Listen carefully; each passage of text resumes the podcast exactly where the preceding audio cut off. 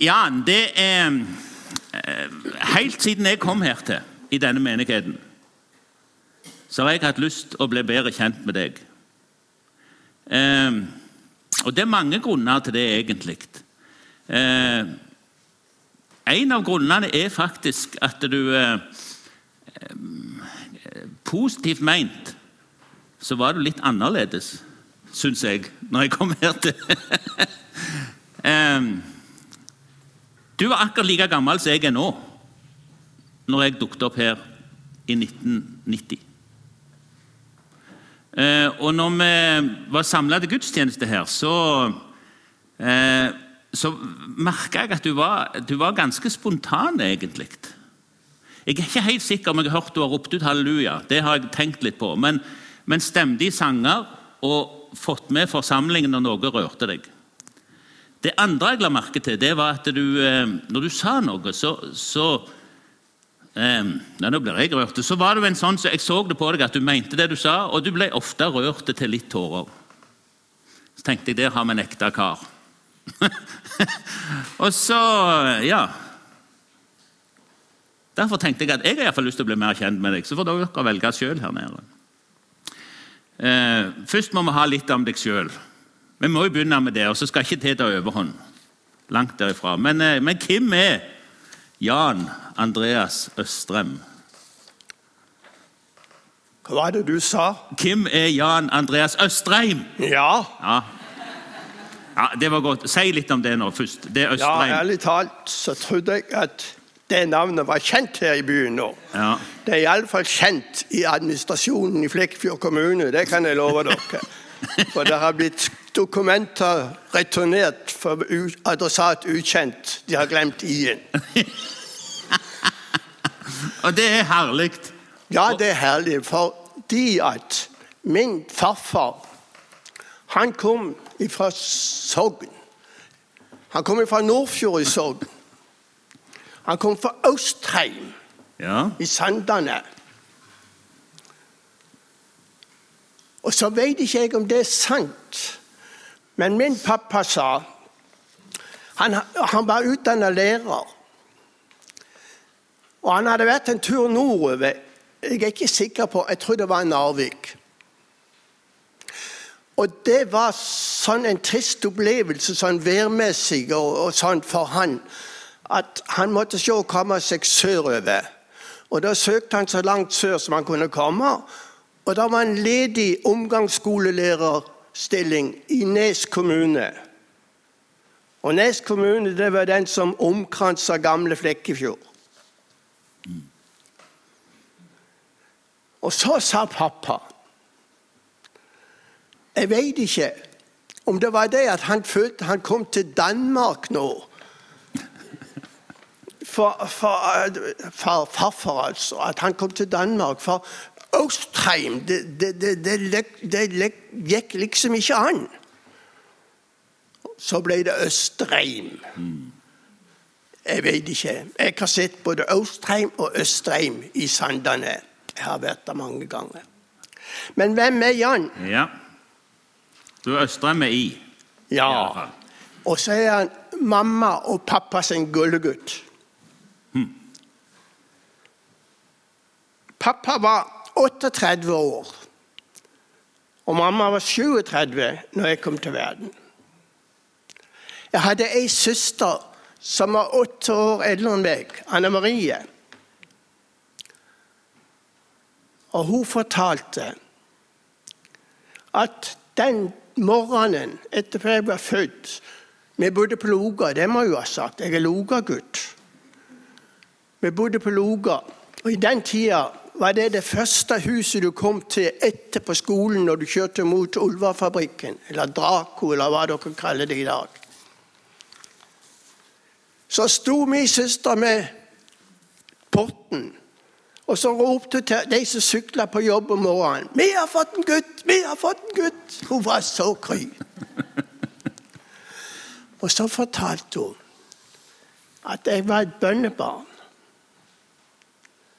Og mamma og pappa var stolte over at han kom til verden. Og det at jeg var et bønnebarn Det har jeg tenkt med meg sjøl. Det har jeg aldri forstått. Til og med ikke nå. Verdien av hva det var. At det var fra å være unnfangen av, ført fram for nådens trone. For en rikdom! Pappa han var født og oppvokst på Lavål i 1897. Da han var ferdig med folkeskolen, så reiste han til Lyngdal og kom i smedlære. Ble utdanna smed. Og nå har jeg sagt at bestefar var lærer. Han var omgangsskolelærer i Gamle Nes kommune. Og når vi rydda opp på lavere etter det, så fant vi kateteret. Det var en kasse som han bar på ryggen fra gard til gard når han gikk rundt til skolen. De hadde skolen i de private hjem. Og det vet vi, vi unge, vi lot den kassen forsvinne. Ai, ai. Jeg redda en bunt med grifler. De brukte nemlig noe som heter grifler. De hadde steintavler, så skrev de med noe som heter grifler. Så viska de ut med svamp og vann, sånn som vi gjør ellers på tavler. De hadde jo en fordel med det. da. De slapp det der trøbbel som vi har med all den teknologien her nå. Ja, for ja, ja, det var- mye enklere sånn. Det er Ja. tungt å bære. ja da.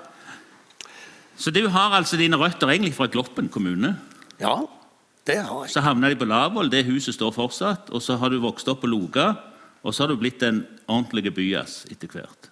Ja, jeg, jeg, jeg, jeg regner meg for en god flekkefjeng nå. Ja, ja, Etter kommunesammenslåinga i 1965, så er det Flekkefjord. Ja, og så er du jo tredje generasjon, så da kan du regne deg som flekkefjord. Ja, Norge. det er jeg. Så det er jo bra. Så går det litt videre i forhold til Du har jo eh, Når jeg ser på Jeg, har vært inne på Stortings nettsida og sett. Ja. Og der står det Jan Østreim. Det står helt rett der. Eh, og så er det ei lang liste med ting som du har vært med på, og, og sånt noe. Og der eh, Verv og, og alt sånt som du har, eh, har eh, hatt, innehatt i lengre tid. Men der står også yrket ditt, og der er graf, grafiker. Typograf heter den. i Typograf tid. i de tid. Ja. For når jeg ble i 52, da var jeg ferdig med realskolen på Ringa. Da fikk jeg jobb hos Skjellesvik på lageret der. Og En dag så ble det utlyst i Flekkjordsposten en lærlingestilling. Og En kollega av meg der på lager, han kom springende. 'Jan, spring og søk på den jobben.' Tenk på hvor greit det er en vinterdag å kunne stå og sitte inne godt og varmt framfor å springe rundt her i regn og uvær, sånn som vi har det. Spring og søk! Og når jeg kom hjem, så snakka jeg med mamma og pappa, og de var enige. Ja, prøv. Og så fikk jeg jobben. Og jeg begynte 1.11.1952 i lære. Fire år. Første året 60 kroner uka, 48 timer. Andre året 70 kroner, 80 og 90 år siste, år. siste året for uka. Det er litt annerledes enn nå. Ja. Eh, Jeg ser på den lista så står det faktisk du har vært leder og medlem i styret for Flekkefjord Grafiske Forening. Altså Ca. 35 år var du i styreverv, og mellom 1961 og 1999 så var du formann Eller dette var 25 år som leder. ja, det var Så du har, du har utøvd ditt yrke med stolthet. Skjønner det at i den tida var det knallharde organisasjonsforhold. Jeg hadde ikke vært lenge før i jobb. Siste året jeg sto i lære, så kom de og sa ja, nå må du inn i foreninga. Å, sa jeg. Ja, det er bare enten-eller, det, sa de. Enten er du med i foreninga, eller så er det ut. Så knallhardt, så knallhardt var det den tida. Og ikke bare det, men plutselig en dag så kommer kassereren i foreninga så sier han til meg Jan, jeg har bestilt plass på deg på Sørmarka på LO-skolen. Ja vel. Jan var lydig, han reiste. Og det er jeg takknemlig for. For det lærte jeg noe jeg bruk, har hatt bruk for til dags dato. Einar Gerhardsens 'Tillitsmannen' var boka vi hadde. Og Der lærte vi å sette opp ei saksliste og sette opp et referat. Og vi lærte å bruke klubber under debatter.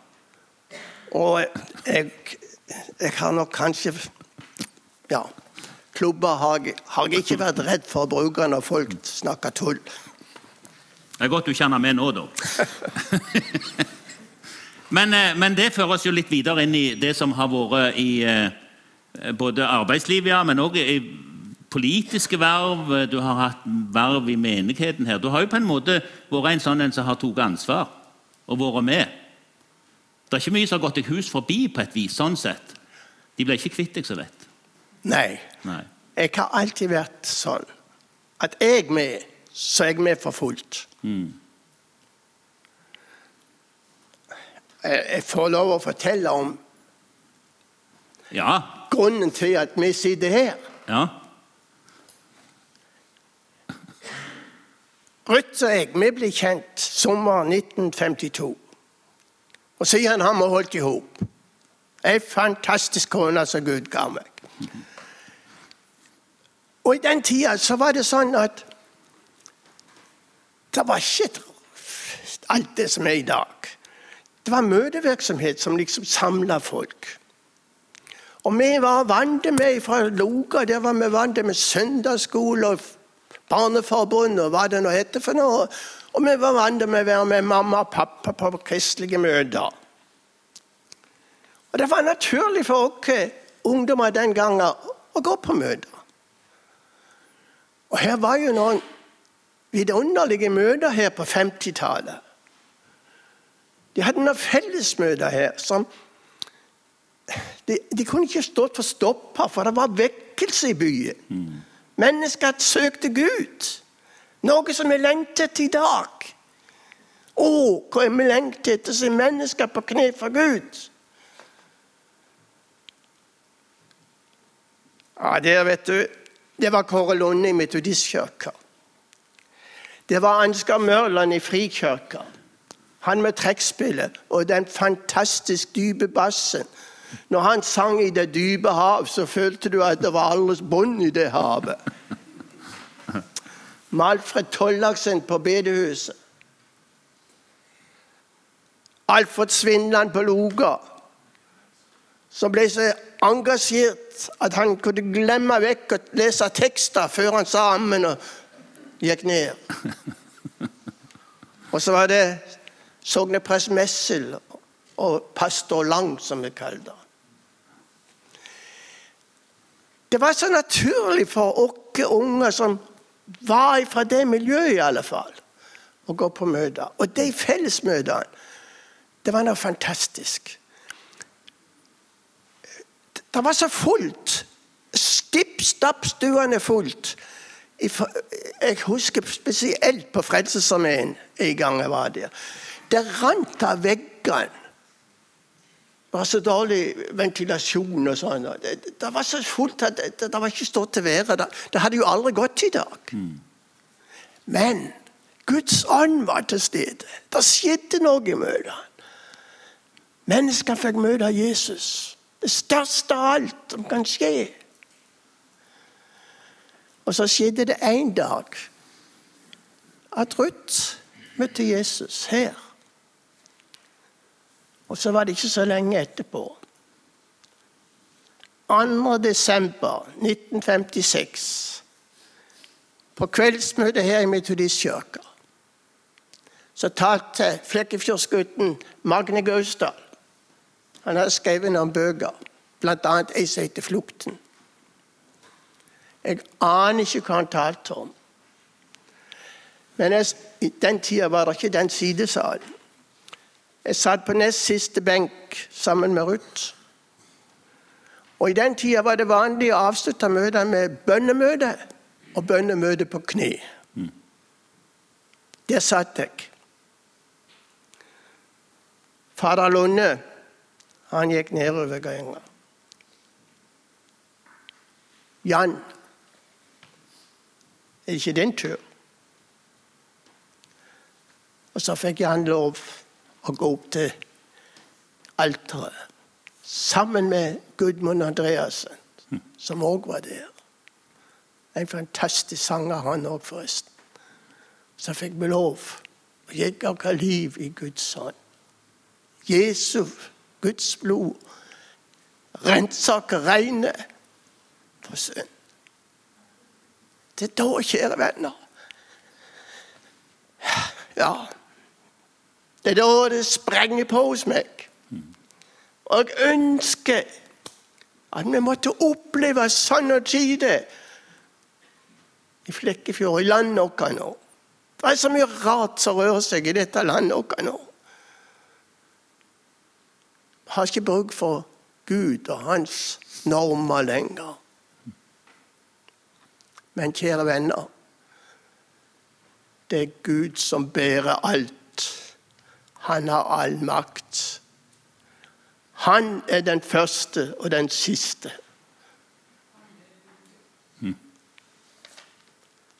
Det ble ikke noe intervju, dette her, det ble ei preik. Det er fantastisk. Men, men, jeg har jo hørt mye om den vekkelsen og sånn, og det er litt av det jeg eh, er så glad for å snakke litt om, for det var en helt spesiell tid. Jeg har hørt mye fortellinger om det, og jeg har selv en svigerfar som, som ga seg over den, under den vekkelsen. Og mye folk i byen. Det var en atmosfære i byen som, som var helt sjelden.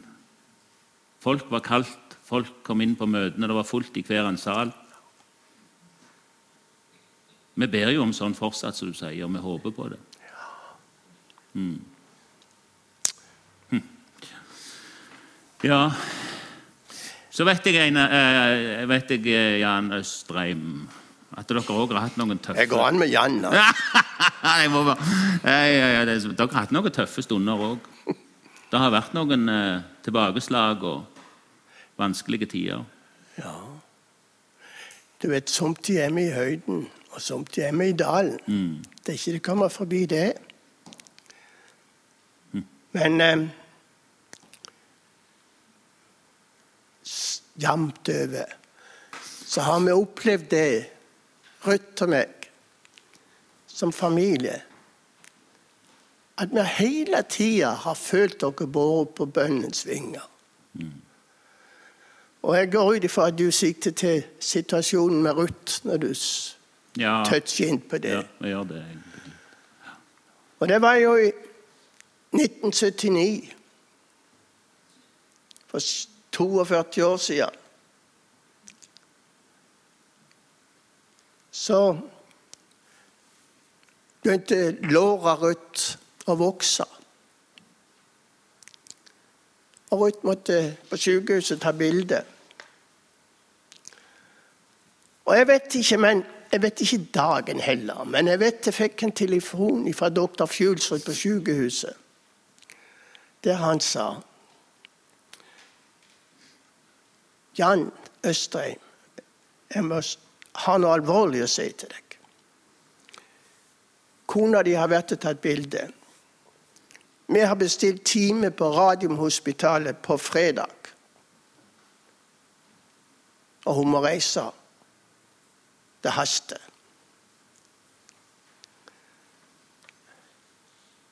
Det var litt av en beskjed å kunne gå fra jobben hjemme. Og det var det var tungt. Visst var det tungt. Det var mye gråt den natta. Og bønn. Eldstegutten han var ferdig med gymnas og skulle på hva det? Interrail, het. Det var ikke det det het. De reiste sted med tog på Europa rundt. Og han hadde gleda seg til det. Men Ruth sa du må bare reise. Du kan ta, ta telefonen og ringe til oss og høre hvordan det går. Så skjedde det at Ruth fikk beskjed om ja, det var en måte å ordne dette på som kunne være trygg og god, og det var å amputere foten. Helt opp til hofta. For der var det skille. For det var gått kreft i beinet. Da sa Ruth til legen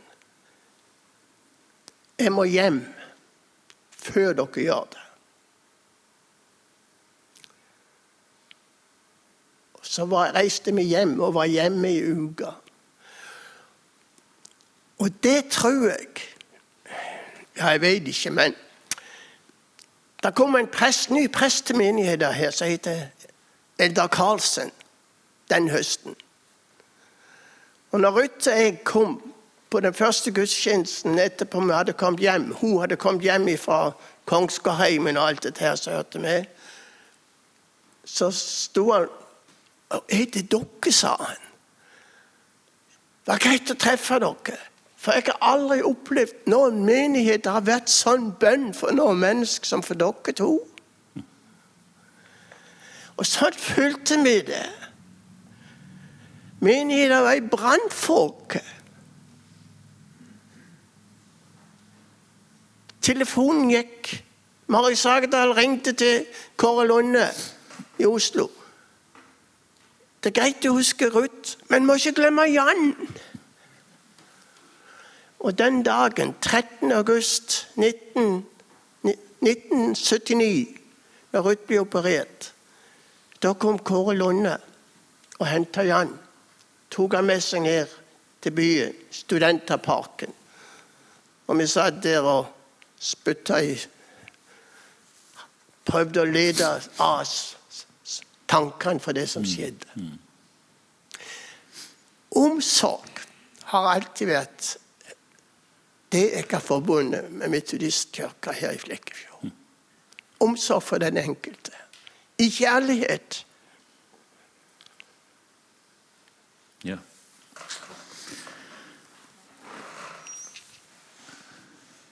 Så en menighet, både her og andre plasser, det har stor betydning for, for de som er en del av det. Det har betydd mye for deg, og det har betydd mye for deg og Ruth. Å ha den omsorgen som, som det bringer. Det er sterkt å høre. Egentlig Neste spørsmål var jo hva menigheten har betydd for deg, men det har du jo for så vidt svar på. Ja, ja menigheter har jo Og jeg er så takknemlig, for menigheter har, har gitt meg mange oppdrag. Jeg sa enten jeg er med, eller så er jeg ikke med. Jeg er alt, det, det er fullt helt. På fredag så var, vi hadde vi 12-16 her i kirka. Og det var, det var en åtte-ti stykk som var der, av jenter. Og Da så jeg og tenkte litt med meg sjøl, for du, det har jo du òg vært med på. Titt innom 12-16. Når det var ting i kirka, har jeg sett i avisa, så inviterte du det hjem til deg, og så hadde dere det der hjemme av og til. Ja. Titt inn, det, det var liksom forløperen for 12-16. Mm. Da gikk de rundt i de private hjemmene på lørdagen. Så ble det 12-16. Og etter hvert så utvikla jo dette seg så Jeg vet ikke hvordan jeg skal få sagt det, for det var så mange som var med. Vi fikk Reidar Ekeberg. Han kom som avgått ungdomssekretær i MU. Så kom han til Flekkefjord. Og han var jo rette mannen, for han var en friskus. Og det var Kjell Fodnestøl og Edvin Takholt ja, jeg vet ikke hvem. Det, og en masse jenter. Eh, men 12-16 var det iallfall. Og jeg må få lov til å si det. Eh, er Peter Takholt her? Eh, nei, han er det ikke. Men altså, han Tore, hans eldste bror Petter var helt sjuk etter å komme inn på 12-16, for Tore gikk der. Men Tore sa bestemt 'ikke før du er tolv år'. Så da sto de på dørene og klorte mest for å komme inn? Ja, det var, det, det var altså Det var noe fantastisk. Vi kunne jo være opptil 80-90 stykker samla på lørdagskvelden her. Og hvem var med oss da? Bernhard Ersdal han var, Jeg er 86 i dag, han var iallfall ikke mindre. Han trollbandt de unge. Mm. Broder Jørgensen. Eh, svigersønn av Bjørn Fedog og han, han, Bjørn Erik som er Hans morfar var det. Han, Bjørn Erik Fedog, han som hadde Fortuna. De, de trollbandt de unge. Og apropos Jeg nevner han Nå glemte jeg navnet igjen, så der ser dere hvordan det er med gamle folk. Jørgensen. Vi hadde jo musikkor her i, i, i Metodistkirka. Og han satt på andre benk på den sida. Og når musikkoret sang, så saug han til seg. Vi kunne, vi, vi, vi, vi kunne se hvordan han var med. Gjett om det var inspirasjon for det som sto og sang.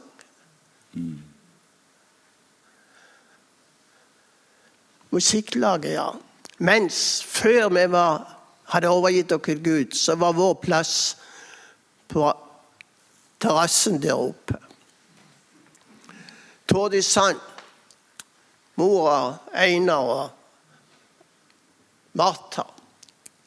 Hun var Loga-jenta.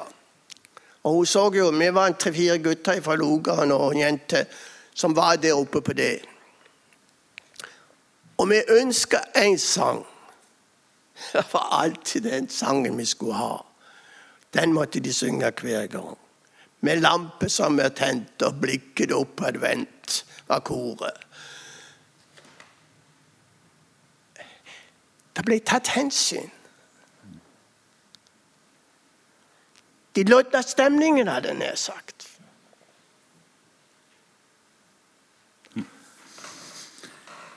Jan, eh, tida begynner å gå ja. i godt lag. Vi har jo hatt en kveld sammen og snakket om, vi, vi var langt ute på vidden når meg og deg snakket. Jeg syns vi har vært veldig gode nå og holdt oss til temaet på en måte. Men, eller du har vært god. Men jeg tenkte at eh, kanskje eh, må, du, du, skal få et vitnesbyrd på slutten, Einar. og du har, du har, talt som en stor predikant allerede. Men vi gleder oss til det. Men jeg tenker du, en av de tingene som imponerte meg litt òg, det, det er jo at du har jo faktisk vært på Stortinget òg en del. Var det ikke en hendelse en gang hvor du gjorde noe ureglementært på Stortinget når Majesteten var i nærheten? Vet du hva jeg sikter til da? Ja, jeg vet ikke hva du sikter til da. Men, men først må jeg få lov å si jeg var første varamann til Stortinget. Og Første gang jeg ble innkalt Det var ikke mange dagene jeg var der. Men jeg kom inn, gikk inn i foajeen og meldte meg. Ja, jeg var venta. De hadde meg på lista. Så de tok meg, eh, Bekjentene viste meg det kontoret jeg skulle ha. Det var jo Blattmann som hadde hatt det kontoret. Det var et lite kutt sånn i en av salene. Sånn. Men det var ingen som andre som kom og tok imot meg. Jeg hadde jo venta noen fra partiet. da, noen hadde kommet. Jeg var jo fremmed i Jerusalem.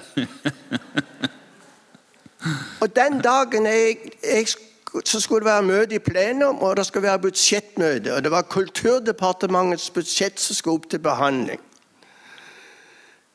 Og jeg, jeg vet ikke om jeg sier helt riktig tall, men tallet 11 milliarder liksom det som sviver før meg når det gjaldt dette budsjettet. Jeg ante jo ikke hva dette var for noe. Jeg skulle være med og stemme. Og så var det dissens. Arbeiderpartiet hadde egen, sitt eget forslag som skulle stemmes på. Og på den pulten der jeg satt, der var det noen knapper. Ingen hadde fortalt meg hva de knappene var for noe. Det er bra. Ved siden av meg så satt Stortingets første president, Jo Benkow. En jøde, forresten. Han var høyremann. Han satt liksom du der. Og han forsto nok at her var noe som ikke stemte. Så når det skulle stemmes, jo, så, så, var det det. Trygve Bratteli han var gruppeleder for Arbeiderpartiet. Når han kom inn og satte seg, han var litt sein, han, så tenkte jeg aha, nå slapp jeg av. Nå reiser jeg meg. Når han reiser seg, og så sitter jeg når han sitter, så kan jeg umulig gjøre noe galt. Og det gjorde jeg. Men så skulle det jo være trykk på en knapp. Og det glemte jo selvfølgelig jeg.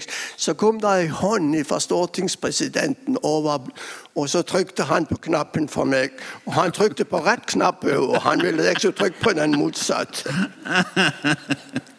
Så til det du var inne på. Ja, ja. Senere i gang så fikk jeg lov å være seks uker på Stortinget i trekk. Og Da var jeg inne for Sigurd Verdal, og han var lagtingspresident. Og Da var det ganske annerledes kontor jeg fikk. Det var et skikkelig kontor. og jeg kom på kontoret om morgenen, så lå det i alle fall tre morgenaviser på klar for meg på skrivepulten. Og så, så fikk jeg en bydelse sammen med hele Stortinget, selvfølgelig, til middag hos Hans Majestet Kongen. Stortingsrepresentant Jan Østrheim var hermed invitert. Og jeg svarte selvfølgelig ja. Og det var en opplevelse. Jeg innrømmer det. Kong Olav han sto der og tok imot. Kronprins Harald var der. Kronprinsesse Sonja var der. Paraderte forbi de, hilste på de, håndhilste på de. Så hadde vi fått anvist Det var jo småbord. Og jeg hadde fått anvist mitt bord og min plass, og den fant jeg. Men så ble vi liksom stående nå en stund. Forsto ikke riktig dette, for de var jo ellers så punktlige. Så ble det noen minutter, så kom det ei dame springende inn og fikk plassert seg en plass. Og da kom Hans Majestet Kongen. Det var en annen varamann som hadde tutla seg vekk. Hun var for seint ute. Og jeg var altså så glad det ikke var meg! Og så, når middagen var ferdig, så var det tid til å rusle rundt i Slottet og kikke seg rundt. Og blant annet så gikk jeg forbi og så Hans Majestet. Han sto der med to-tre karer med fullt av stjerner og gull og ikke alt mulig å snakke med dem. Og Jeg for inn i en sidesal der, og der var det noen stoler. Så satte jeg meg ned på den stolen, og da kommer det. Da kom kona til stortingspresidenten, fru Benkow. Så kom hun forsiktig bort til meg så sa hun, Hør her, man sitter ikke når majesteten står. Vel, folkens, det var en som kom seg fort på beina. Det var et egentlig godt uttrykk. Jeg skal ha en preik om det en gang. har jeg tenkt. Man sitter ikke når majesteten står.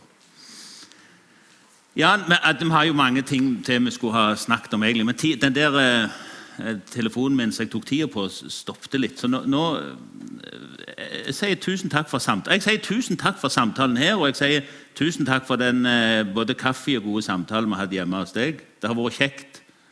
Det er en ære å bli kjent med deg. Og du har vist til oss òg at det som jeg sa i begynnelsen, som gjorde inntrykk på meg når jeg kom her til, at du, eh, du, du står bak det du sier, og det er liv over deg når du formidler noe. Det har du vist i dag. Det, det rene preget dere har fått hørt.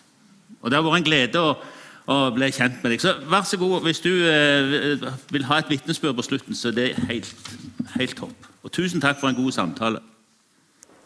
Så jeg er så lykkelig glad jeg får lov å være med i musikklaget på bedehuset. Og der har vi en sang som vi synger, som er Jansens sang.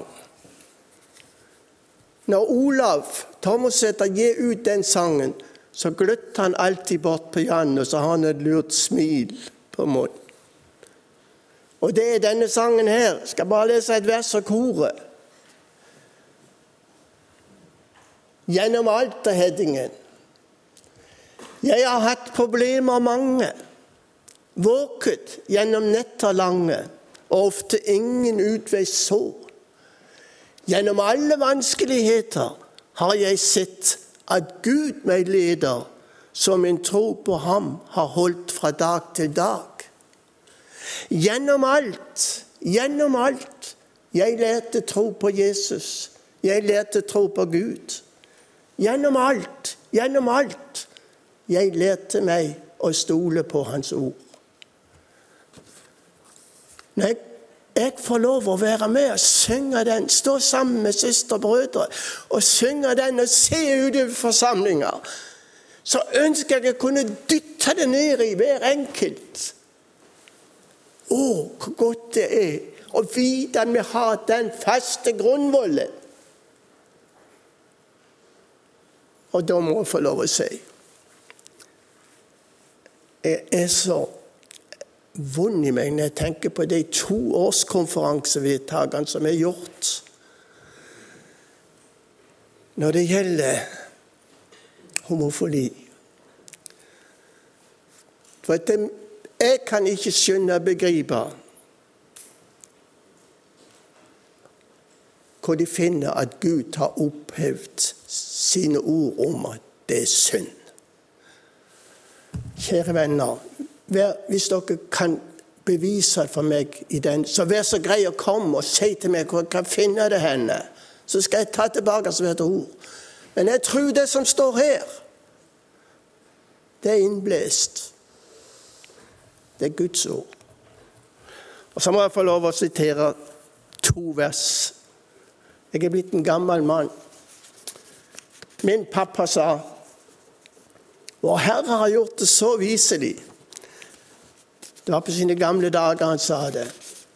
At nå når jeg blir gammel og det går mot til slutten, så har det blitt helt naturlig for meg å tenke på døden, sa pappa. Det er en naturlig ting. Det er det mest naturlige av alt. Ingen kom forbi det. Nå er jeg i den situasjonen. Nå hører jeg til den eldre generasjonen her i menigheten. Og nå er det vandrer det hjemover mot meg. Men hør! Johannes kapittel 5, 24. Der sier Jesus Det er ingen andre, men det er han sjøl som sier det. Sannelig, sannelig, sier jeg dere. Den som hører mitt ord og tror på Ham som har sendt meg, han har evig liv og skal ikke komme til dom, men er gått over fra døden til livet. Halleluja, sier jeg. Og i kapittel 6, 40 sier han og dette er Hans vilje som har sendt meg, at hver den som ser Sønnen og tror på ham, skal ha evig liv, og jeg skal reise ham opp på den siste dag.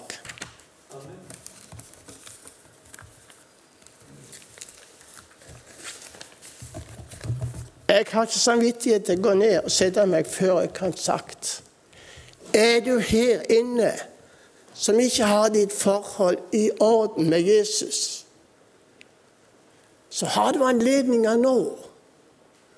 Og det er ikke bare Jan, men det er mange som vil skrive under på at det er den beste vennen vi kan få. Han er der alltid. Tett ved siden mi går Jesus. Alltid vil han være der. Amen.